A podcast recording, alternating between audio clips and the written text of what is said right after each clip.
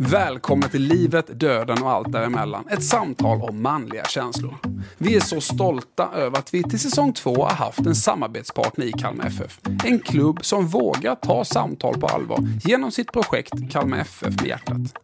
Vi vill våga ha samtal där alla gäster bjuder på sig själva. Våga berätta saker som de annars inte har valt att berätta. Det manliga samtalet är viktigt. Varför är män överrepresenterade allt som faktiskt är dåligt? Tillit en grund till ett bättre samtalsklimat.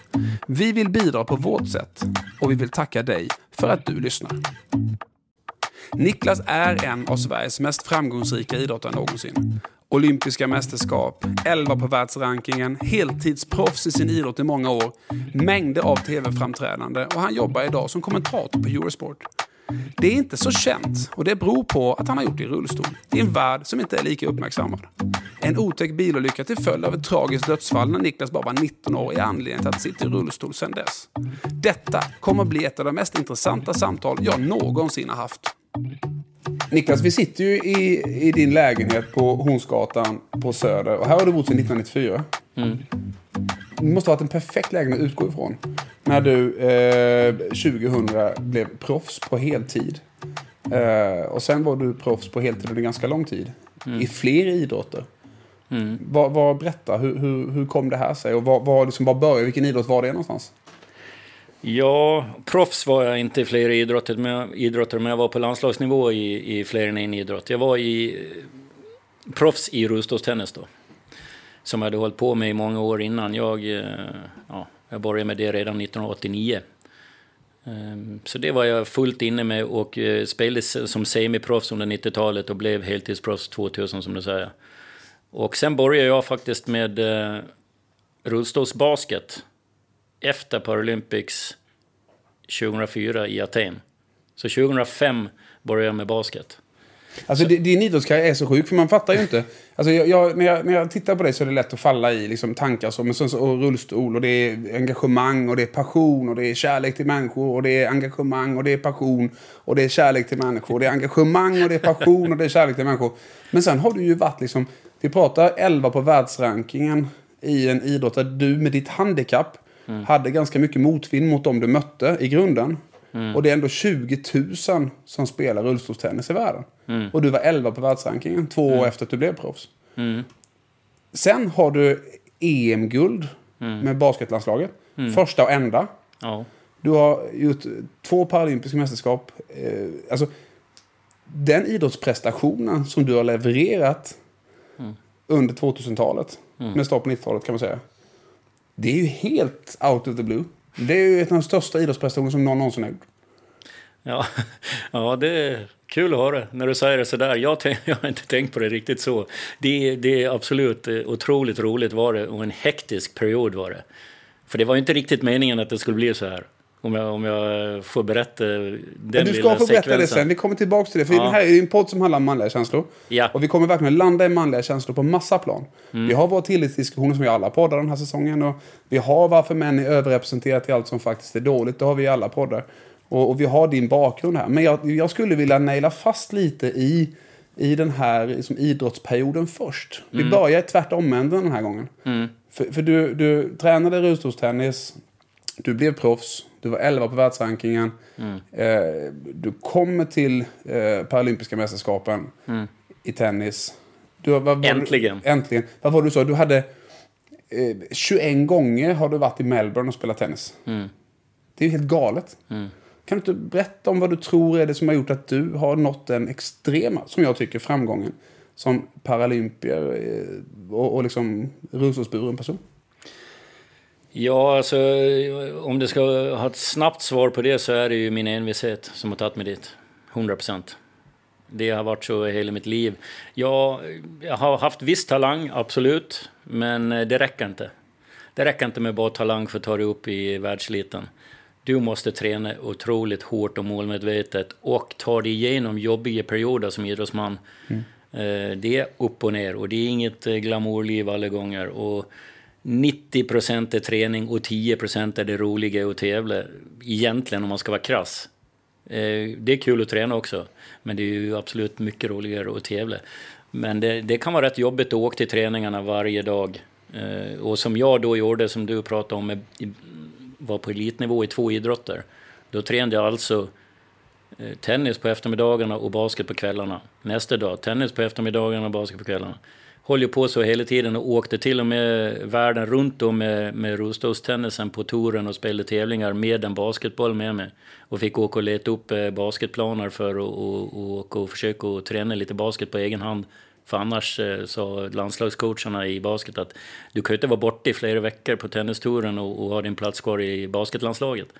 Så det var ju tufft, men otroligt kul. Och två helt olika grejer. En lagidrott och en individuell idrott. Så jag älskade ju det livet samtidigt som det var ganska kämpigt. Men min envishet var det som gjorde att jag lyckades i både, 100%. Det här tycker jag är någonting som belyses lite för sällan. För att den prestationen, det är så jäkla många andra som tävlar de här idrotterna i hela världen. Det är inte så här, ja, det var väl lite kul och var gulligt. för det här är liksom elitidrott. Och jag tror att många som inte lyssnar och tittar på det här eh, inte riktigt förstår hur många människor som tävlar med olika klasser av funktionsnedsättning i varje klass. Det vill säga du som då är, eh, inte har någon hjälp av underkroppen alls. Nej. Core och ingenting. Nej. Får ju vara en helt annan liksom, utmaning än den som sitter högre och har med sig hela överkroppen och till och med delar av benen. Det är en jättestor skillnad i teknik. Absolut. Eh, Så jag ville bara börja där. Mm.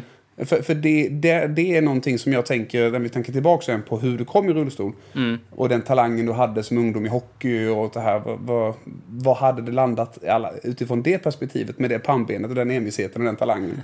Ja. Ja, det var den paradoxen jag var liksom lite inne på i, i diskussionen. För, för när man tittar på det så pratar man ofta om det väldigt, väldigt mörka. Men jag tänkte vi börjar i det väldigt, väldigt ljusa. Mm. För det är ju en prestation. Hur, berätta, hur var en vecka eh, som tennisproffs för dig? Eh, eller månad säger vi. Hur mycket Ja, restid månad- hade du? Nästan lättare att säga en månad Ja. faktiskt, för att eh, veckorna kommer vara så väldigt olika. Eh, en månad såg eh, nästan alltid ut så här att jag eh, tränade två veckor här hemma i Sverige. Eh, både tennis och basket då. Och sen eh, drog jag iväg eh, på två tennisturneringar utomlands. Det är väldigt litet i, i Sverige fortfarande. Så man måste ut i världen på eh, världstouren för att ta världsrankingpoäng. Eh, och klättra på världsrankingen för att eh, sen stora målen är ju var fjärde år att ta sig till Paralympics och då är det viktigt att ha en bra världsranking och så vidare. Eller ta sig till vad, vad det nu än är för mästerskap. Eh, Så, så såg det ut. Jag tränade två veckor, åkte utomlands eh, två veckor. Tränade två veckor. Ja, varje månad, från januari till december såg ut så. eh, Det var ett litet uppehåll på en månad över jul och nyår kan man säga. Annars så såg faktiskt eh, veckan väldigt mycket ut så. Och man åkte ofta till väldigt härliga ställen som du var inne på. Melbourne.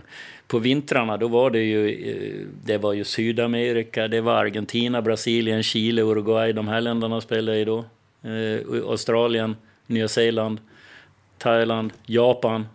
Det var under vinterhalvåret. Och sen kom ju sommarhalvåret. Ja, men då var det mycket Europaturneringar. Då var det ju härligt att vara här. Så jag, på så sätt levde man ju i ett härligt klimat året runt. Var- Men du förutfattade meningen då när du är iväg och rullstol och flygplatser och så. Alltså, hur, hur, hur är det att vara rullstolsburen i Brasilien kontra i Sverige? Mm, ganska stor skillnad. Eh, vad ska man säga? I Europa så, så ligger vi väl ganska jämbördigt. Vissa länder är före andra. Vi låg väldigt bra till i Sverige kan jag tycka. Vi har, vi har halkat efter. Eh, vi tror att vi är i topp i Europa, men det är vi inte. Jag kan bara ge som exempel Spanien och Italien är långt före Sverige när det gäller anpassning i samhället för rullstolar. Mm. Eh, men går du då till eh, Östeuropa så är det enorm skillnad. Då är Sverige guld att vara i rullstol jämfört med Östeuropa och även i Asien. Förutom de här länderna som eh, Sydkorea och Japan och, de här länderna, de har ett enormt bra anpassning också. Men pratar vi om Thailand eller Vietnam eller Indien eller vad vi pratar om så är det jättejobbigt att sitta i rullstol och, och folk har kanske inte ens en rullstol när de har min typ av skada där. Släpa sig fram på bredlappar, eh, skateboarda, treklossar på händerna och så vidare. Ehm, Sydamerika har gått enormt framåt. Afrika har gått enormt framåt. De har ju legat efter. Och jag vill ännu fortfarande ganska mycket, men eh, starkt framåt. Ja, så det är nyttigt att få se det här också. Hur eh, var, vi pratar mycket tillit i podden. Hur var tilliten från dig till dig själv som idrottsperson? Var du, var du stark självförtroende, själv- stark självtillit? Hade du tillit till din egen kapacitet? För det måste man nästan ha haft när man var där du var. Ja, då när jag var som bäst hade jag det. Men eh, det var en lång väg dit. Va, ja, vad tänkte du säga? ja, varför då? Nej, jag, jag tyckte att det var enormt svårt för nu, för nu måste vi backa. Du har ändå varit inne på att jag har spelat hockey, så vi, vi ska inte prata om än och varför. Men eh, gå från en lagidrott då. Hockey och fotboll håller jag på med. Gå från en lagidrottare till en individuell idrott som jag gjorde, som vi kan gå in på senare. Det var en enorm eh, utmaning för mig. Jag hade noll självförtroende. Alltså noll, noll, noll. Och självkänslan var inte bra den heller. Och ingen bra kombo, dålig självkänsla och dåligt självförtroende. Då är det svårt att bli bra i rullstolstennis. Men det var än en gång, det var min envishet. Jag eh, var inte särskilt bra i början, men jag tränade och tränade och tränade och tränade och gav mig aldrig, blev bättre och bättre. Till slut lossnade det bara. Jag tog till mental träning för jag insåg att jag var mentalt för svag för det här, för att lyckas med, med en individuell idrott.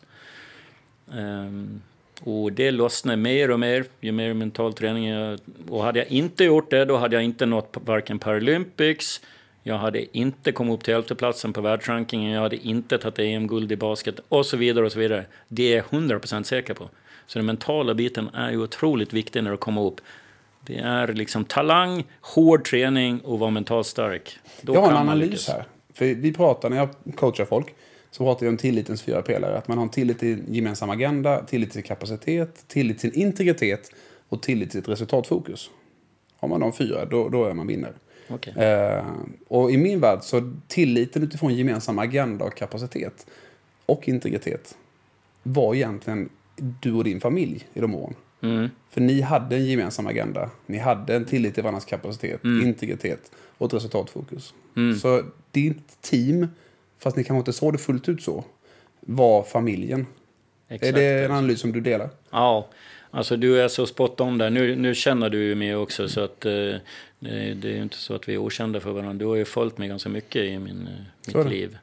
Och, och vet att jag är otroligt nära min familj. Och det var jag innan allting det här hände och eh, ännu mer efter kanske. Men jag sa att envisheten har tagit mig dit men det hade ju inte räckt om inte jag hade haft familjen. Det, det är de två grejerna som har gjort att jag sitter här idag och, och mår så pass bra som jag gör och att jag nådde så mycket framgångar som jag gjorde.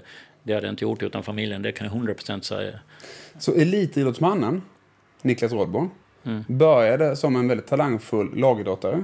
Mm. Och fick växla om till en individuell idrottare. Mm. Börja om från noll. Driva sig själv tillsammans med sig själv, mental träning, omgivning. Till att bli en av de absolut bästa idrottarna i sina grenar i världen. Eh, 20 000 frågor hur många skidskyttar som finns till exempel. Mm. Alltså det är en cool siffra. Man börjar sma- smaka på den. Mm. Så elitidrottaren gick från talang, byta spår och blev en av de bästa i världen i två idrotter. Det är en ganska cool resa. Mm. Och Ja, idag kul. lever du på det utifrån perspektivet expertkommentator på Eurosport och mycket annat. Mm. Det, det, så skulle man kunna säga, ja, där var storyn färdig, fan vad gott, high five. Eller hur? Det var ju någonting som hände bara Ja, där, det mellan de här två. Ska, ska, vi, ska vi backa bandet och, och ändå ta oss igenom det där eh, absolut. året, åren? Mm. Eh, där du som ung, talangfull eh, gotlänning träffade din kärlek i livet. Första riktiga kärlek. Ja. Berätta. Mm. Då var jag eh, 18 år. Och eh, satt då inte i rullstol. Utan jag spelade hockey och fotboll. Jag hade börjat med hockey och fotboll när jag var sex år gammal. Och det var en superstor del av mitt liv. Det var allting kretsade runt idrotten, var med familjen och vänner, det var det. Och det var starka mål redan då. I tonåren i alla fall, då började, då började jag känna att eh, jag kan inte hålla på med hockey och fotboll för det, säsongerna går i varandra. Jag kommer inte bli riktigt bra om jag håller på med både. Så jag, jag kände då i 15-årsåldern att jag måste välja. Och då valde jag bort eh, fotbollen för hockeyn. För att eh, jag var målmedveten eh, och ville bli ja, så bra jag bara kunde bli i hockey. Och det, slutmålet det var ju att, att nå NHL. Det var, ju, det var ju på den nivån det var. Du var med i tv-program som 13-åring. Ja, Två år för tidigt. ja det var jag. Bara ett exempel. Ja, absolut. Men som jag sa tidigare, jag var ingen supertalang. Men jag, jag var redan då så här 100% på träningarna. Jag var alltid på träningarna. Jag var otroligt träningsvillig och envis redan då som 13-åring. Mm. Eh, jag var liten, jag hade inte börjat växa. Nu, nu är jag 83 idag, men jag var väldigt liten när jag var 13. Och ett, två år i den åldern är ju enormt mycket. I, i, så jag var en liten kille, men lyckades ändå att ta en plats där. Eh, så någon form av talang hade jag, absolut. Men jag var inte en superstar. Men, men eh, ja, i alla fall så rullade det på där och jag träffade då en tjej när jag var 18. Som jag, som du sa, blev kär i för första gången i mitt liv. Eh, hade träffat några tjejer innan och haft några korta förhållanden så. Eh, som man har i tonåren typ. Eh, men det här, det var på riktigt. Helt plötsligt var det någonting helt annat. Det här, det var... Ja, men vi kände båda två att det här är för, det är för resten av livet. Det kände vi redan då. Det var någonting helt speciellt och det, det märktes på både hennes familj och min familj och allihopen. Det var liksom så självklart. Man kunde, man kunde känna den kemin vi hade. Eh, och eh, ja, jag gick i plugget, spelade hockey, umgicks med Josefin. Det var ett gott liv helt enkelt. Ja, jag mådde på toppen. Och, och, jag, jag kunde inte ha haft det bättre, kan jag mm. nästan känna. Vad hände då? Då var det så här att jag, eh, min familj, vi bodde ute på landet eh, på Gotland. Och eh, hennes mamma och sambo bodde inne i Visby. Och vi var inne hos dem och det var en vardag. Vi skulle upp eh, till gymnasiet eh, både två dagen efter. Jag hade körkort, nytaget körkort. Och eh, vi bestämde oss för att vi skulle åka ut eh, på landet till min eh, familj och, sova över där. Och det gjorde vi. Vi sa hej då till dem inne i Visby och eh, åkte ut. Kom ut och min familj måtte upp i, i hallen och köket på nedervåningen. Eh, det slöt med att eh, mamma och Josefin satte sig vid köksbordet och ja, de kom överens hur bra som helst. Och det här betyder ju också otroligt mycket. Mm. Att uh, min familj tyckte om min flickvän. Och det var, nej, det, det var liksom, allting var så härligt. De skrattade och hade kul vid köksbordet och jag var ganska trött. Det var ganska sent och jag, jag sa att jag går upp och lägga mig. Vi hade sovrummet på övervåningen. Jag går upp och lägger mig så kan du komma sen när du vill, sa jag till Josefin. Mm. Och eh, ja, jag kommer snart, som. Och så sprang jag upp för trappen och gjorde mig i ordning på toan på övervåningen, så gick jag in och la mig. Och sen kom hon efter en stund och så kikade hon in i sovrummet och, och kollade att jag inte hade somnat och sa att jag inte skulle somna innan hon kom. Då gick hon på toan och gjorde sig i ordning och sen kom hon in och eh, nykära som vi var så låg vi och pussades och kramades och ja, vad man gör som nykär. Och sen eh, säger hon bara helt plötsligt så här att eh, vänta lite Nicke. Och jag frågade henne direkt, vad, vad är det? Då svarade hon inte. Och då frågade jag igen, vad är det Josefin, vad är det som händer? Då svarade hon inte. Då fattade jag direkt, på någon sekund där, att det är någonting allvarligt som har hänt med henne. För det har aldrig hänt att hon inte svarar, hon är inte en sån typ av person. Och sen började ansiktsfärgen att ändras. Jag blev livrädd och skrek ner till föräldrarna att eh, ni måste ringa en ambulans, det händer någonting med Josefin. Mm. De ringde ambulans, den var där på tio minuter, en kvart. De kommer in i rummet eh, och vi får gå ut ifrån mitt sovrum och de är där inne och, och eh, ja, försöker få igång Josefin. De kommer ut, bär ner henne för trappen, säger att vi får komma efter in till Visby lasarett. Eh, så vi åker in efter och möter upp hennes familj hennes syster, mamma, och pappa, sambo, allihopen. Eh, blir satt i ett rum där på Visby lasarett. Och det tar någon minut och sen kommer läkaren ut och säger att eh, tyvärr, det fanns ingenting vi kan göra. Hon dog av plötsligt hjärtstopp. 17 år gammal. Ingen sjuk, ingenting. Hon klagade inte på att hon hade ont någonstans, hon var inget trött, ingenting. En sekund innan det hände så var hon precis som vi är nu. Du har berättat den här eh, liksom, eh, delen, episoden i ditt liv väldigt många gånger. Du är en väldigt öppen person.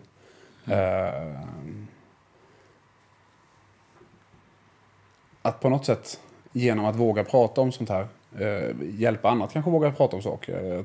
jag har en son som ska fylla 19. Liksom. Mm. Mm. Man förstår hur fragila man är i den åldern. Mm. Man förstår hur känslig man är i den åldern. Mm. Man förstår hur mycket allting betyder i den åldern. Och sätta sig in i den kontexten. Eh, kan du komma ihåg lukter och sånt här fortfarande också i den här, den här lokalen? Eller är det, liksom, är det bara en dimma? Det är lite av en dimma måste jag säga faktiskt. Mm. Det är det. Jag, eh, jag kommer ihåg hur det gick till allting. Det är liksom så klart för mig. Men nej, det är lite av en dimma. Jag vet inte vad, om det är någon, något försvar som har skett inom mig. Liksom, att man inte minns allt i detalj.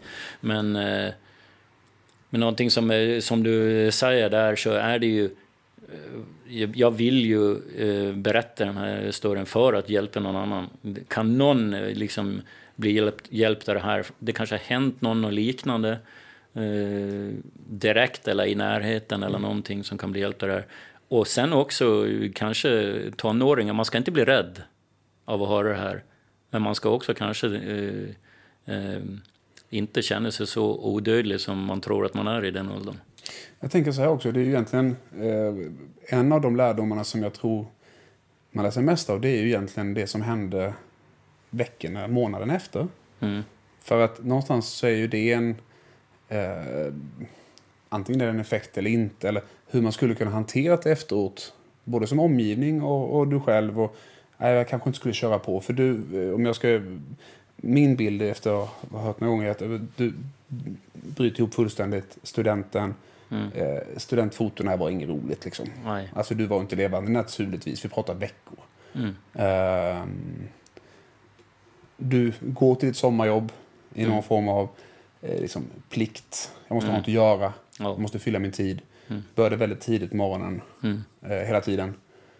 Uh, berätta. Jo, det, det hände i maj det här året. Eh, hennes eh, plötsliga död. Och eh, som du säger, i början på juni så skulle jag ta studenten. Eller jag tog studenten. Och det var ju en misär verkligen. Men och sen skulle jag börja jobba direkt efter studenten på mitt sommarjobb och sen skulle jag in i lumpen i augusti. På den här tiden var man tvungen att göra lumpen. I augusti. Så jag ska sommarjobba i juni, juli och sen ska jag in i lumpen.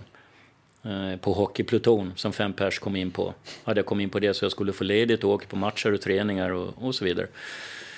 Eh, och det var aldrig något snack om, jag har tänkt på det på senare år, det är många som har sagt så här, gick du till jobbet verkligen? Du, du jobbade hela den sommaren. Ja men alltså det fanns inte, det var inte som ett alternativ att jag inte skulle jobba. Har jag tackat ja till det här jobbet, det spelar ingen roll vad som har hänt med det. Det fanns inte på världskartan att jag inte skulle jobba. Vilket jag också kan tycka är bra att jag gjorde det. Mm. Att jag inte låg hemma när resten av min familj åker iväg till skola och jobb och jag är hemma själv i villan och mår dåligt varenda dag. Det hade inte varit något bra. Nej, jag tror inte heller. Nej, så jag tror att det var ganska bra att, att jag hade det mindsetet. Men det var självklart för mig att jag skulle jobba och det gjorde jag. Och, och då kom liksom nästa enormt stora smäll. Mm.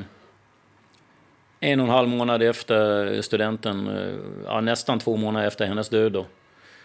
Eh, Efter att ha mått dåligt i, i nästan två månader och med allt vad det innebär med att man, man äter inte speciellt bra, man sover dåligt, allmäntillståndet där. Jag var, jag var lite apatisk nästan. Eh, Jag grät inte speciellt mycket men jag mådde ju dåligt. Jag har hört att du cyklar omkull ofta sånt också i den här perioden. Är det något som jag bara hört? Är det en myt? Eller alltså, Att jag du- cyklade omkull? Ja. Det var någon som sa att de hade hört att du som, när du skulle cykla någonstans, det var ett par gånger du cyklade omkull också i den här Ja. perioden. Ja, ja jag vet faktiskt inte. Det, det är ingenting jag minns. Då går vi vidare. Ja. Eh, men jag mådde, absolut, jag var, jag var, jag var inte mig själv någonstans. Eh, och som du sa tidigare, jag började tidigt på morgnarna. Så fem på morgonen eh, skulle jag ju inte jobbet. Eh, och när man hade sovit dåligt, ätit dåligt och hela det här mådde dåligt så, så var man väl inte hundraprocentig chaufför liksom. Och det gick ett tag som jag säger då, men i mitten på juli så eh, Ja, det, det, det jag minns är att jag, jag mådde dåligt och var lite yr när jag satt med bilen och sen när jag kör in mot eh, jobbet i, i Visby så uh, antingen får jag en blackout eller så somnar vi vid ratten. Jag vet inte. Jag vet ingenting vad som hände precis innan. Jag kraschar hur som helst in, först i en telefonstolpe och sen tar det tvärstopp in i ett träd och flyger ur bilen och bryta ryggen någonstans på vägen. Och inte bara ryggen. Man har 18 revben, jag bröt 9. Så jag bröt halva bröstkorgen, ryggen gick av.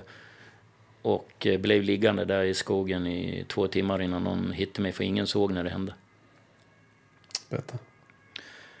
Jag låg där och eh, svaga minnen av att jag, att jag inte förstår varför jag inte kommer upp. Jag försöker ta mig upp och det har de berättat för mig i efterhand också, syndes i gräset, att jag hade försökt att dra mig upp. Och varje gång jag försöker ta mig upp så svimmar jag av av smärtorna och allt ett eh, plockepinn in i min kropp. Mm. Eh, ja, det var ju inte bra. Så jag låg där i två timmar men sen hittade vägarbetaren mig klockan sju på morgonen ungefär. Det var en gammal dam som hade hört en smäll. Hon, eh, hon hörde smällen när jag smällde in i trädet. Men jag var inne i skogen på andra sidan vägen. Hon bodde på ja, mitt emot där. Öppna dörren och då är det tvärtyst. Jag ligger inte och skriker där borta. Uh, jag kan inte minnas att jag skrek någonting. Jag vet inte om jag hade speciellt mycket smärta heller om jag ska vara ärlig. Just då. Den kom sen kan jag säga. Mm. Med besked. Men uh, man blir bedövad i början och uh, det var väl mer att jag bara svimde till och från. Men, men jag ser det som att jag hade en jävla tur att överleva överhuvudtaget. Där. Det var mitt i sommaren, inte mitt i vintern. Det kunde ha räckt. Alltså, för det, det som händer är ju eh, så ofantligt svårt att ta in ju. Mm. Naturligtvis. Uh, och det, vi pratar uh, Visby sjukhus först. Uh, det går inte att rädda honom här. In, upp till Stockholm, Karolinska. Mm. Uh, sex månader. Mm. Tre månader. En månad på IVA först, tror jag mm. det var. Så. Mm. Alltså det är ju enorma tidsspann, enorma smärtor. Mm. Har du någon, liksom, kommer du ihåg vad, tankar, funderingar under den perioden, de här mm. sex månaderna? Liksom? Mm. Ja, det gör jag. Inte, inte de första veckorna kanske. Då var jag, det var som du sa, då låg man på intensiven och eh, blev hårt pumpad med morfin. Mm. Det är sådana enorma smärta när du har eh, smält sönder centrala nervsystemet. Det, det går inte att... att alltså, jag har aldrig varit i närheten av den smärtan, varken innan eller efter olyckan. Det är nog helt otroligt. Och då har jag ändå ganska hög eh, smärttröskel. Hög smärta, men sen och, ja. otroligt mycket medicin ändå ju. Ja. Men det hjälpte liksom inte? Nej, de kom in varannan timme och körde in en spruta morfin i, i låret på mig. Ja. Det hjälpte inte. Jag låg på en fyrsal och kunde inte vara tyst för jag hade så ont. Ja. Så jag låg och gnydde hela, hela tiden, 24-7. Och jag bad dem, kan jag inte få ett eget rum? För jag, jag tyckte synd om de andra tre för att jag mm. ska ligga där och gny, för jag kan inte vara tyst. Jag, när du har så ont, det är som att, kanske inte riktigt, men, men som du drar en, en hammare på tummen, sen ska du vara tyst. Det är inte lätt. Det är en sån molande, molande, otrolig nervverk liksom. Så jag, till slut fick jag ett eget rum och till slut fick jag morfin 24-7 också, inte bara varannan timme. Utan de satte in en meter lång slang från armvecket rätt in i hjärtat. Sen droppade det på med morfin. Och jag mådde ganska bra. Upp i allt helvete. Då hade jag i alla fall inga smärtor. Hur, hur, liksom, hur hanterar sjukvården utifrån perspektivet eh, människan bakom? Eh, med psykologer och hur funkar det i det läget eh, när man ligger där och menar, 19 mm. år gammal? Mm. Med allt vad det innebär, livet, dödsfall, alltså allt. Hur, hur agerar sjukvården i det läget? Ja, bättre hoppas jag nu än vad det var då. Mm. Jag var lite besviken faktiskt, fast jag brydde mig inte så mycket om någonting. Jag, jag var så otroligt låg eh, redan när det hände. Så att, men jag kan ju tycka så här och att andra unga killar och tjejer som kommer in med nybrutna nackar och ryggar, att läkarna måste vara lite lite känsligare och lite bättre när de kommer in och levererar det här beskedet. Mm. För jag tror att det var ungefär tre veckor efter jag hade brutit ryggen. Så kommer läkaren in och säger Du har brutit ryggen och du kommer aldrig mer kunna gå i ditt liv. Det är så här det, det är. I princip så levererade han det, så gick han ut igen. Det är ju brutalt. Alltså. Ja, jag tycker det är helt sjukt när man eh, tänker på det. Men i det här fallet då så spelar det inte så stor roll. För jag var redan under isen eh, på grund av Josefins död. Det var det som var stora grejen för mig. Jag, jag ryckte faktiskt nästan på axlarna bara och sa så här, jaha, nu eh, är det kört med hockeyn också. Nu är det inte bara Josefin som är död, nu kan jag inte spela hockey heller. Det var typ så jag tänkte, men jag började inte gråta en gång när han levererade det här. Sen kom ju min familj in och ja, det var väl nästan så att de bröt ihop mer än vad jag gjorde. Mm. För att jag var så lågt ner så jag, kunde, jag kände att jag kunde inte komma nästan lägre ner. Hade du självmordstankar då? Absolut. Mycket? Ja, jag hade så pass mycket att jag eh, kom ihåg att eh, efter tre månader på Karolinska så, så tänkte jag att nu måste du ta ett beslut. Du kan inte leva i det här vakuumet, för det är inte du överhuvudtaget. Eh, antingen så tar du livet av dig och skiter i det här. Eller så tar du den andra vägen och eh, försöker bli så bra som möjligt i rullstol med vad det innebär att bli självständig, klara av allting och se om du kan leva ett liv i rullstol och utan Josefin och må bra ändå. Och då tänkte jag så här att man vet bara om att man har ett liv. Jag är 19 år. Ska jag släcka av det här livet när jag är 19? Nej, jag måste i alla fall ge det en chans, tänkte jag. Ta en dag i taget, så får du se. Du behöver inte ta det där beslutet nu, tänkte jag. Det här är ingenting man ventilerar med familjen ens, trots att vi är tajta. Det här hade jag, det var mina egna tankar. Det var det jag tänkte komma till. För det, mm. det är ju utifrån så är det så självklart att de tankarna är där. Mm. När jag som träffar mycket människor, alltså det, det är liksom, hade jag varit vuxen mm. i det läget då, så hade det varit nästan det första jag hade sagt. Jag tror att du har självmordstankar här. Mm. Ska vi börja bolla med det lite? Mm. Eh, jag tycker det är konstigt att inte fler gör det. Mm. Eller? Mm. det är tror... så logiskt att man är där ja. i huvudet. Jag tror att man kanske skäms att man har det, liksom, de mm. tankarna. Att, eh, eller så är det bara för stort och för svårt att, att prata om det. Men eh, nej, jag hade det absolut, men jag är så otroligt glad. Jag valde den andra vägen och tog en dag i taget. Och, och för varje dag så blev jag lite bättre på att ta hand om mig själv. Till slut började jag inse, från början trodde jag att jag kommer att ha en sjuksköterska i hela mm. resten av mitt liv. Så kommer det vara. Jag hade ingen aning om någonting. Jag hade aldrig sett någon som varit med om en olycka som jag. Nu, när det händer nu, nu, nu syns vi mycket mer. Vi är i tv-program, vi är i samhället, vi är ute på gatan och rullar, vi syns överallt. Vi, eh, vi kör bil, vi jobbar, vi mm. betalar mm. skatt. Allt det här, det, det, det, här hände alltså 1988, det är ett tag sedan. Mm, det är ett tag sedan. Ja, det, inte, det var inte på den här nivån det är nu. Så jag hade aldrig sett någon och då, och då tänkte jag så här, jag kommer ju inte klara mig själv. Det kommer aldrig gå. Och jag kommer aldrig kunna göra de här grejerna som jag nu har gjort idag. Flygvärlden runt själv, körbil, skaffa mig ett jobb, bla bla bla. Och det gjorde ju till slut att jag eh, mådde bra igen. Vi kommer tillbaka till precis det stadiet om en stund. Mm. Vi har varit på proffskarriären. Vi har förstått att du som elitidrottsperson har varit helt fantastisk. Och en av de bästa Sverige har haft. Liksom. Mm. Och nu tänker jag så här, vi hoppar liksom över och går in till förbundskaptenen och vinnarskallar SVT och mot alla odds och mm. alla de här grejerna som är gjorda liksom sista eh, tio åren så att säga. Mm. För, för förbundskaptensrollen har du ju varit i, i sju år vad jag förstod. Mm. Eh, och där har du varit noga med att ja, men jag ska se alla, jag kommer inte bara jobba med de bästa. Vi ska, liksom, de som kommer hit, mm. de har en resa mentalt att göra. Mm. Jag ska hjälpa dem att göra den resan. Mm. Bredd i eliten ger spetsen. Ja. Ungefär den bilden. Är det rätt uppfattat utifrån? Ja, absolut. Absolut. Eh, jag avslöt min eh, heltidsproffskarriär i rullstolstennis 2013. Mm. Och då blev jag direkt eh, förbundskapten för han ville avgå och rekommenderade mig.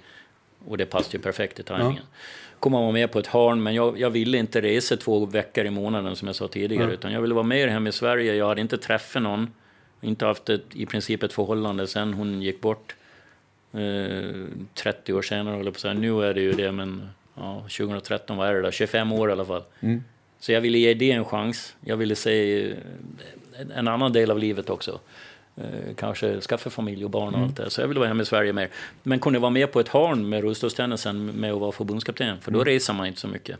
Du kanske reser ett par gånger om året istället för ett par gånger i månaden. Det är en ganska stor skillnad. Eh, så det var kul. Det tyckte jag var jättekul. Och eh, jag körde på på det. Och, och som du sa så vill jag verkligen... Jag hade hand om landslagen. Det finns tre landslag. Herr, dam och någonting som heter kod. Okay. Där är det blandat tjejer och killar. Men där har de en eh, nedsättning i armarna också, så det är en, en, eh, en annan eh, kategori då. Mm. Dam och herr, de är helt okej okay över kroppen. Och så spelar det ingen roll vad de har i underkroppen för nedsättning. Men jag ville se alla i de här landslagen och de som trycker på underifrån. Jag ville ha koll på vem är det som är på väg uppåt och knackar på dörren till landslagen och, och sådär. Så jag var ju med väldigt mycket på breddläger, nybörjarläger, inte bara på elitlägren. Men när man, när man kommer till ett nybörjarläge, vi som har ändå, jag, har ju faktiskt varit en del i den världen från ett annat perspektiv. Mina föräldrar träffades som eh, liksom ledare för föreningen Värnet i Malmö, handikappföreningen där nere en gång i tiden på 70-talet. Det är som så jag har haft den sidan med mig från det perspektivet så att säga. Mm. Men är, när du kommer till nybörjarläge så är det många som var som du var liksom, när du kom ut från Karolinska och skulle hitta på något och verkligen vilja prova någonting. Mm. Hur, hur, hur, har du kunnat, upplever du att du har verkligen kunnat ge dem mening på de här lägena? Att du har kunnat säga till dem, du tänker inte sådär nu. Nu tror jag att du tänker så. Mm. Har du använt mycket av dig själv för andra på något sätt? Ja, det kan, det kan ju ha blivit lite så. Jag vill inte bara trycka in eh, samtal med, med folk som är på ett läge och, om livet kanske. här. Men det får man ju känna efter lite. Ibland kan det komma någon fråga liksom hur, hur går det till om man ska ut på världstouren och hur, hur går det att flyga när man sitter i rullstol? Det kan ju komma allt möjligt. Mm. Och då är jag, då är jag beredd mm. och då responderar jag och, och, och, vill berätta och dela med mig. Men, men sen, sen har man ju kanske inte tid att sitta och prata så varenda läge med alla. Utan, men, men ja, absolut. Det, det gäller att personen blir bra på... Den måste ju må bra för att spela bra och prestera bra och bli bra. Och, och framför allt att de eh, stannar kvar i rullstolstennisen. Eh, man ska inte tvinga någon kvar, men, men det gäller också att de tycker det är kul. Det är otroligt viktigt i början att det är roligt. Så att jag är inte, jag är inte för hård, utan... Eh, och alla ska inte behöva satsa på att bli bäst i världen heller. Nej. Jag tycker det är otroligt viktigt att de idrottar bara. Motionsidrotter, det är, det är det viktigaste av allt. Och sen om du vill bli bäst i världen, fine. Men jag glömmer inte bort dem som bara vill komma och ha kul en stund och motion, motionera lite. Det är superviktigt att behålla dem också. En serie som slog som tusan på SVT var ju Mot alla odds. Mm. Hur, hur var det att spela in den? Ja, det var ju jättespännande och roligt. En helt ny grej. Det var 20... Vad 12. har vi för år? 2012. 2012 gick det på tv. Um, ja, just det. Då åkte vi till Nicaragua. Eh, och eh, gick från kust till kust. Eller gick och gick. Jag hade ju rullstol. Och en annan hade rullstol. Sen var det en kortväxt med. Och eh, en döv. En blind ett par amputerade, någon med cerebral paresis. Ja, det var en salig blandning människor, tio pers. Man måste komma också, jag, jag, jag, I Kalmar så har jag utsatt politiker för att eh, prova och jag käkade lunch i rullstol en gång. Mm. Efter en och en halv timme så vände de för de inser att vi kommer inte hinna åka till lunchstället ens. Så att vi, vi sätter lite perspektiv här. Ja. Kust till kust i Nicaragua, åka lunch i stol i Kalmar. Mm. Ja. ja, det är lite skillnad. Det är mycket djungel kan ja. jag säga. Och det är mycket backar och det är gyttja och det är allt möjligt. 500 kilometer. Det är, är så långt. Över. Det är så långt. Jag kan säga att någon dag gick vi eh, på en halv dag 700 meter. Det var så svår terräng, så det var inte sant liksom. Eh, så det var, ja, det var en jätteupplevelse. Med tanken då att vi skulle vara tio stycken med olika funktionsnedsättningar och tio stycken har olika kvaliteter då och med våra olika kvaliteter hjälper varandra att ta oss framåt. Över till det är en fantastisk andra. tanke. Ja, det är skithäftigt. Hur blev och, tanken i verkligheten? Är ni kompisar ja. fortfarande eller blev det bara ja, till slut? det är vi faktiskt. Eh, senast igår skrev en av de amputerade killarna när jag grattade att han fyllde år så sa han att eh, han saknade oss och att ville att vi skulle träffas. Vi gjorde det några år efter, absolut. Men det är svårt, alla bor i olika delar av Sverige och så här. Man får inte ihop det alltid, men vi är ju goda vänner, absolut. Så eh, häftigt alltså. Ja, jag var tvungen att ta med det här. Det gick bra, jag ska bara säga det. Vi, vi kom nio av tio kom över till andra sidan. Ja. Det, är vi, det, var, det var bra. Teambuilding på riktigt. Ja, verkligen. Eh, vi pratade om dig själv och din tillit till dig själv som växte som idrottsperson. Eh, från då, olyckan då och sen lärde mer och mer. Och jag hörde någonstans att du sa första gången jag höll i tennisracket, jag fick inte över bollen över nätet ens. Nej. Och därav låg tillit till dig själv naturligtvis mm. utifrån kvalitet. Från mm. väldigt duktig till ingenting, men sen bestämma sig för att bli världsbäst. Ja. På något sätt. Det är en jävla häftig idrottslig resa. Mm. Hur har din tillit efter liksom, olyckan utvecklats utifrån dig som människa? Mm. För det är skillnad tycker jag. Ja, absolut. Jag, hade, jag kan ju säga att jag hade torgskräck när jag eh, kom, här, efter det halvåret eh, på Karolinska, så mm. när jag kom hem till Gotland.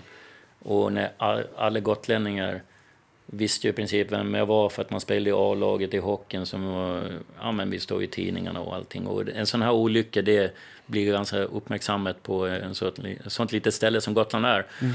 Så jag kände ju att jag känner massor med folk här och de jag inte känner vet vem jag är och sen ska jag komma rullandes här helt plötsligt i rullstol.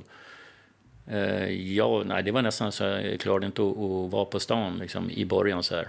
Det var, det var jättejobbigt. Så då var ju tilliten uh, låg då. Till vem jag var som person. Min självkänsla var i botten. Mm. Uh, men byggde upp den sakta men säkert och ganska snabbt faktiskt. Ett år efter min olycka ett halvår efter jag kom hem till Gotland om man säger så, så var jag 20 år gammal och flytt hemifrån och klarade mig helt själv. Så jag var ju, det var ju viktigt för mig. Det var ju precis som vilken 20-åring som helst. Det är ju runt den åldern man kanske flyttar hemifrån de flesta. Det skulle jag med göra. Mm. Och jag klarade allting. Och då hade jag fått bil med handreglage, jag kunde köra bil och, och, jag fick jobb på hockeyklubben på kansliet. Eh, de byggde en ramp så jag kunde se matcherna över sargen och satt där på varenda match och även träningar ibland. Eh, flyttade till min lägenhet där inne i Visby och jag tog hand om mig själv. Det är en jävla häftig resa. För, någonstans börjar ju tilliten som som människa och idrottsperson parallellt här, märker mm. man ju. Mm. Men, men sen så har jag liksom... Jag har, jag har fastnat för ett par delar i, i ditt liv. Nu har vi, liksom, vi har klarat av ganska, tycker jag, en intressant resa fram till idag. Mm. Uh, så har jag skrivit upp uh, en mening här. När och har du gjort ett fullt ut bokslut med det som hände 1988? Eller är det fortfarande någonting som ligger i vägen i, på något sätt i din vardag idag? Mm. Har du gjort har du, har liksom, mm. När du pratar om det så är det så närvarande fortfarande. Mm. Så ibland tänker jag att du fortfarande är där. Mm. När du träffar en ny tjej eller, alltså, förstår du vad jag mm. tänker då? Mm. Jag säger inte att det är så, Nej. men det är något som dyker upp Absolut. i mitt huvud hela tiden. Uh, och jag har hört det från andra som har gjort extremt, alltså som har drabbats av väldigt alltså. Man har liksom inte kommit till ett riktigt bokslut någonstans. Nej. Måste man göra det? Alltså? Jag vet inte, jag ställer frågan öppen. jag vet inte heller det. Jag känner att nu när du säger det sådär så, så tänker jag, jaha, det kanske ligger som ett hinder för mig att, att jag inte har träffat någon. För att jag har ju inte blivit kär sedan dess. Och det börjar bli lite långt nu. Men jag, jag, jag, det är en tanke jag har, uppriktigt. Men alltså, jag har ju känt så här att jag, jaha, jag vill, vadå bokslut? Jag, jag är ju tillfreds med, eller tillfreds med, vad ska man säga? Jag har lärt mig leva med det. Du har ingen skuld, skam, ångest över det? Utan Nej. Det, det, är liksom, det, det fattar jag. Men jag bara, när jag hör det så blir det så intensivt. Och sen så mm. vet jag ju att du ja, men du, du, alltså, lite familj, mm. du är extrem familjekär människa. Och sådär. Mm. Mm. Och så tänker jag, så är det någon sån här boksluts... Alltså det ligger ändå så nära fortfarande. Mm. Du pratar mm. om det så ofta. Mm. Så, ja, det var bara en tanke ja, som jag ville absolut. ställa här. Absolut. Kan det ha varit i vägen för familjeskapandet? För Nej, men jag kan ju se tillbaka på, på Josefin och, och min, min, tid att det var otroligt fint och eh, otroligt härligt att, att jag fick uppleva det. Även om det blev kort och alldeles för kort. Och eh, jag fortfarande kan känna att eh, var otroligt tragiskt att hon som var så levnadsglad inte fick leva mer än 17 år. Mm. Var, som, eh, ja, hur mycket hon eh, hade kunnat fått upplevt. Absolut kan jag säga det så, men eh, jag ser ju inte det bara med sorg längre utan jag kan ju se de här glädjegrejerna också, hur härligt det var. Och att, att bli så självklart kär, det, det är kanske inte alla förunnat någon gång i livet. Vissa är det flera gånger i livet, men vissa är det inte alls. Jag fick i alla fall uppleva det en gång. Så det är inte... Jag tror att det är jag ganska få, ska sägas, som blir mm. så kära fullt ut någon gång mm. i livet. Jag tror inte mm. alls det är många. Nej. Jag tror många säger det, men jag tror de ljuger lite för att så de vill att det ska vara så. Ja, så jag sörjer inte jättemycket att det inte har hänt, fast jag vill ju att det ska hända mm. igen i mitt liv.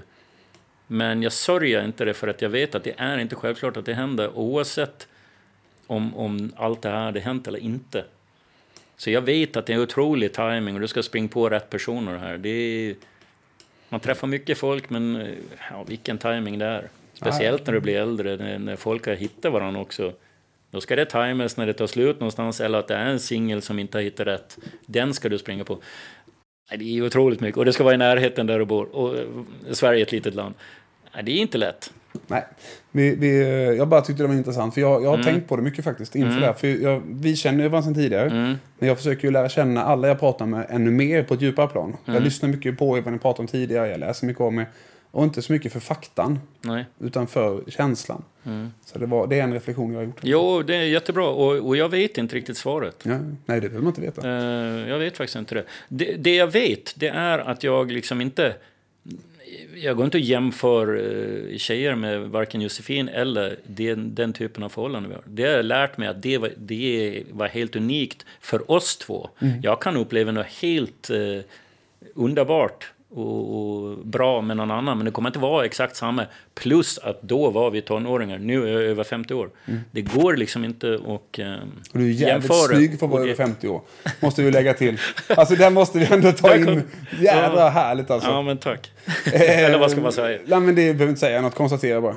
Mm. Eh, tack för din öppenhet. Det är en tuff fråga. Men eh, jag tycker den, jag var tvungen att ställa den. Mm. jag men jag gillar det. Gång. För jag gillar ju också att hitta, om det är så att jag kan göra någonting själv, mm. att det sitter inom mig att, att det kanske inte bara är att jag inte har springt på någon, vilket jag tror nu då. Då är det ju bra om jag, eh, jag tror det. får upp ögonen för någonting, en ny vinkel här. Mm. Ja, ja. Ja, en tanke. Eh, ett område som inte har eh, jättemycket med eh, manliga känslor att göra, eller egentligen eh, ditt liv, men som har med manliga känslor att göra, för det handlar om tillgänglighet. Det handlar om att rätten att kunna få vara med. Mm. Och det handlar om att inte behöva vara eh, en belastning mentalt, fast kompisarna inte tycker det. Mm. Så kan jag tänka mig att när man sitter i stol och det faktiskt är så att vi i Sverige 2021 har jäkligt mycket trappor överallt. Och mm. Det är ganska taskig snöröjning på vintern. Mm. Och det är inte anpassat på stränderna. Nej. Trots att det är det i länder som vi kan tycka är bananrepublik i Spanien och Italien. Mm. Och, mm. Där är det perfekt. Ja.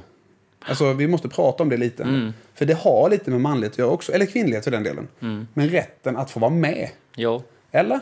Ja, men jag håller med dig 100%. För min del så skulle jag ju känna mig mer om jag nu ändå har ganska bra självkänsla och självförtroende och känner mig manlig så skulle jag ju känna mig ännu bättre om jag kunde vara med överallt utan hjälp. Ja. 100 procent. Och det, det, är de här grejerna som du säger. Mitt stora problem i samhället det är ju trappor. Mm. Att det inte finns ramper och hissar överallt som det till exempel gör i USA. Det är otroligt bra på alla ställen. Det går att komma in överallt. Det, går, det finns alltid någon bakväg med hiss om det är trappor och så vidare. och så vidare. Det existerar inte här. Mm. Ehm, och badstränder, som jag älskar att vara på badstränder. Och det går rampar och sen slutar det, sen är det 100 meter kvar till havet. Och så vidare och så vidare. Men är det inte bara helt absurt? Mm, jag alltså, om, vi, om vi ska vara krassa lite. Grejer. Det är enkla grejer. Inte dyra. Och vi behöver inte hitta på orsak som att jo, men eh, de som sitter i rullstol, de har också pengar att spendera i din butik. Mm. Det har inte med saken att göra. Nej. Det borde rimligtvis vara så att 2021 så är det en inkluderande ja. känsla av att alla är välkomna ja, överallt. Men det är vi inte. Nej. För att det, vi är inte välkomna om inte vi har hjälp. Vad är vägen och vi som inte har assistanshjälp, vi, vi, vad gör vi då? Mm. Ah, då ska vi förlita oss på nära och kära som du säger. Och det är, det är inte så jävla skönt alltid. Ibland Även om jag har det så är fan. Hur är det? Alltså, vad är lösningen? För att definiera ett problem är inte så svårt. Jag tror lösningen är att, att, att få de här makthavarna uh, att förstå liten del av lösningen som du sa, att ni får dem att sätta sig och få eh, det svart på vitt hur det är att sitta i rullstol och köra till lunchen och de hann inte till lunchen. Vad då för det? Jo, för att det var kullersten, det är kanter, det är bla bla bla, det är trappor. Mm. De förstår inte, verkar som. Så det du säger, om jag får tolka det då, det är lagstiftning? Ja, det alltså, hade varit det absolut bästa. Och då får vi ju se till, och så ska vi inte bara göra en sån jättelobbyinsats ja. någonstans här nu under ja. sommaren där vi samlas och bara så här, men lagstifta fram tillgänglighet. Mm. Inte rekommendationer. Nej. Inte 100 kronor i böter. Nej. 100 000 i böter. Mm. Per dag du inte Det är ju lagstiftningen som gör det att det är så bra i USA. Det är inte goda viljan, det är ingenting annat. Det är inte att de, oj vad de är duktiga på att inkludera. Det är lagstiftningen. De får inte ha en, ett café, en restaurang som inte går att komma in med rullstol.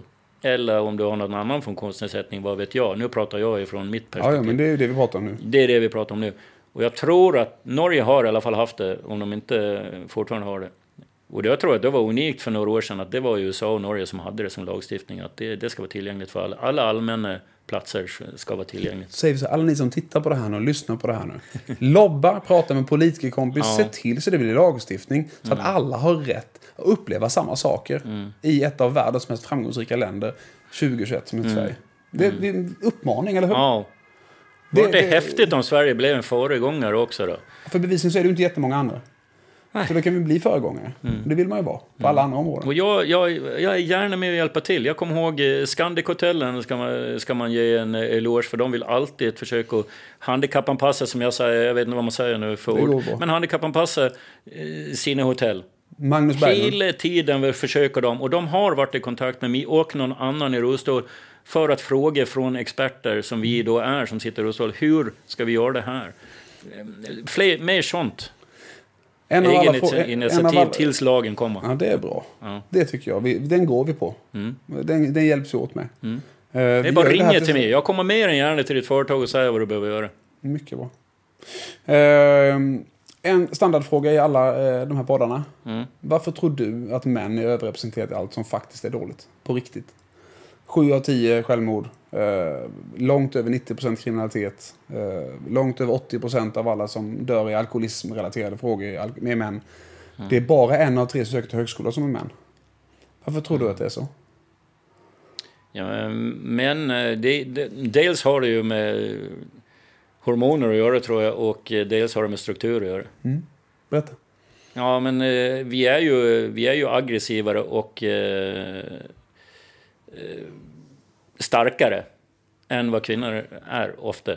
Generellt eh, i grunden för att vi har eh, testosteron och eh, man går way back i tiden så skulle man ju jaga och, och slåss och hit och dit.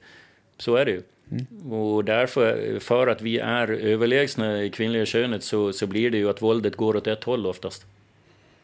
Det är ju sällan en man blir misshandlad av en kvinna för att kvinnan klarar inte av mannen oftast. Vi ska säga att det Finns finns, det, det finns undantag där Ja men absolut. men- det, men, det, eh, jag, men, jag eh, pratar generellt som Ja, jag sa. jag, jag med. Alltså, Majoriteten Ja, är ju ja, så. det, är- det är intressant. Ja, vi, vi har ju en tes att, att eh, vad tror du om den? Att en del beror faktiskt på brist på samtal på riktigt mellan män. Mm. Så du har massa känslor inom dig som du inte pratar med någon om. Eh, jag är ju speaker på Ironman som ni som eh, tittar och lyssnar vet. Mm. Och jag får väldigt många livshistorier till mig. Och jag tänker att du också får många livshistorier till dig. Mm. Och väldigt många av de breven jag får eller på Messenger eller mail slutar alltid med det har jag inte berättat för någon. Och jag har alltid undrat varför beror det på att du inte har berättat för någon? Mm. Ja. För att jag har någon att berätta det för. Och allt det där ska härbärgeras. Mm. Om man sen kombinerar det med den maskulina överlägsenheten. Mm. Så tror jag där ligger en del av svaret. Vad tror du när jag säger så? Ja, men jag tror absolut på det. Att prata om det och inte... Eh, alltså, det är ju ett patriarkat vi lever i. Eh, och och då, då, vissa vill inte visa sig svaga då, utan det ska vara mannen som ska vara bestämmande och den ska sköta det här och det och det och det. Leva kvar i det här gamla liksom. Att man inte vågar säga de här grejerna. Det är första gången man säger det och man gör det stängt. Istället för att sitta och prata om det. Och, och, ja, det, jag tycker ändå att det, det går åt rätt håll men det går väl kanske lite för långsamt. Som det gör med det mesta. Det gör det ju även med, om vi backar tillbaka till anpassningar i samhället för rullstolar så är det ju bättre än för 30 år sedan när jag hamnade i rullstol. Det är bättre nu, men det går för långsamt. Men känns det inte som att det har stagnerat lite?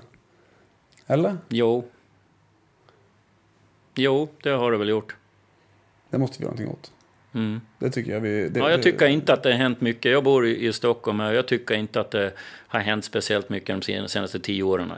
Det och då, tycker jag då inte. ska jag säga så här till er som lyssnar. Ni som inte känner Niklas, han gnäller aldrig. Så det här är inte gnäll. Det här är faktiskt Det är ett en, konstaterande. Mm. Det är en konstaterande bara. Det är skillnad. Jag är så jävla imponerad av dig. Det finns så många aspekter. Det finns så mycket jag vet om dig som jag skulle egentligen vilja ta upp också. Men, men eh, jag har valt att fokusera på elitidrottsmannen Mm. och resan till att vara potentiell elitidrottsman redan som barn. Den otroligt otäcka som hände dig i, i dina sena tonår. För att sen orka göra, fortsätta den och faktiskt bli en av världens bästa i två olika idrotter. Representera Sverige i olympiska mästerskapen i två olika idrotter. Bli förbundskapten. Coacha mängder av andra att våga göra den resan. Eh, det är så jävla coolt. Det är en ära att få ha dig med i podden Niklas Rådbom. Kul att höra vad du säger. Tack så mycket för de orden. Och sen tycker jag att det är coolt att du också är så öppen med dina tankar och känslor. För jag vet att det gör skillnad för de som lyssnar. Och jag tror mig veta att man ibland blir lite trött på... Du blir så engagerad varje gång du berättar de här sakerna. Och det tar hårt varje gång. Men någonstans så är det alltid några nya som hör. Som behöver höra. Som behöver hjälpen. Och just de där orden gör skillnad. Just där och då. Det är min övertygelse. Vi Tack så hemskt mycket för att du ställde upp och var med i podden Livet, döden och allt däremellan. Ett samtal om manliga känslor. Äh, säsong nummer två. Har du något mer du skulle vilja tillägga sådär på slutet? Några kloka ord? Oj, jag är dålig på sån där. Eh, Klyschor? Nej, jo. Jo, det har jag. Gör, eh, gör som jag om ni känner att eh, livet... För livet går upp och ner. Det, det, så är det bara i allas liv. På vissa syns det inte, på mig syns det när jag kommer rullande att det kanske har hänt med någonting. Och jag pratar mycket om det. Men tro mig, livet drabbar alla. Det kommer svackor i allas liv. Och när ni är där nere i svackorna, våga tro på att det kommer att bli ljusare, även om ni inte vet hur. Tro mig, jag visste inte hur det skulle kunna vända när jag låg på Karolinska och ryckte på axlarna när de kom och sa att jag inte kan gå mer. Då trodde jag inte att, att jag skulle bli... Men jag gav den chans och, och det blev hur bra som helst. Så våga hänga i, våga kämpa på, för det kommer att bli värt det. Jag lovar. Mina damer och herrar, Niklas Rådbo. Tack så hemskt mycket. Tack så mycket, Björn. Välkommen till livet, döden och allt däremellan. Ett samtal om manliga känslor. Vi är så stolta över att vi till säsong två har haft en samarbetspartner i Kalmar FF. En klubb som vågar ta samtal på allvar genom sitt projekt Kalmar FF med hjärtat. Vi vill våga ha samtal där alla gäster bjuder på sig själva. Våga berätta saker som de annars inte har valt att berätta. Det manliga samtalet är viktigt. Varför är män överrepresenterade allt som faktiskt är dåligt? Tillit en grund till ett bättre samtalsklimat. Vi vill bidra på vårt sätt och vi vill tacka dig för att du lyssnar.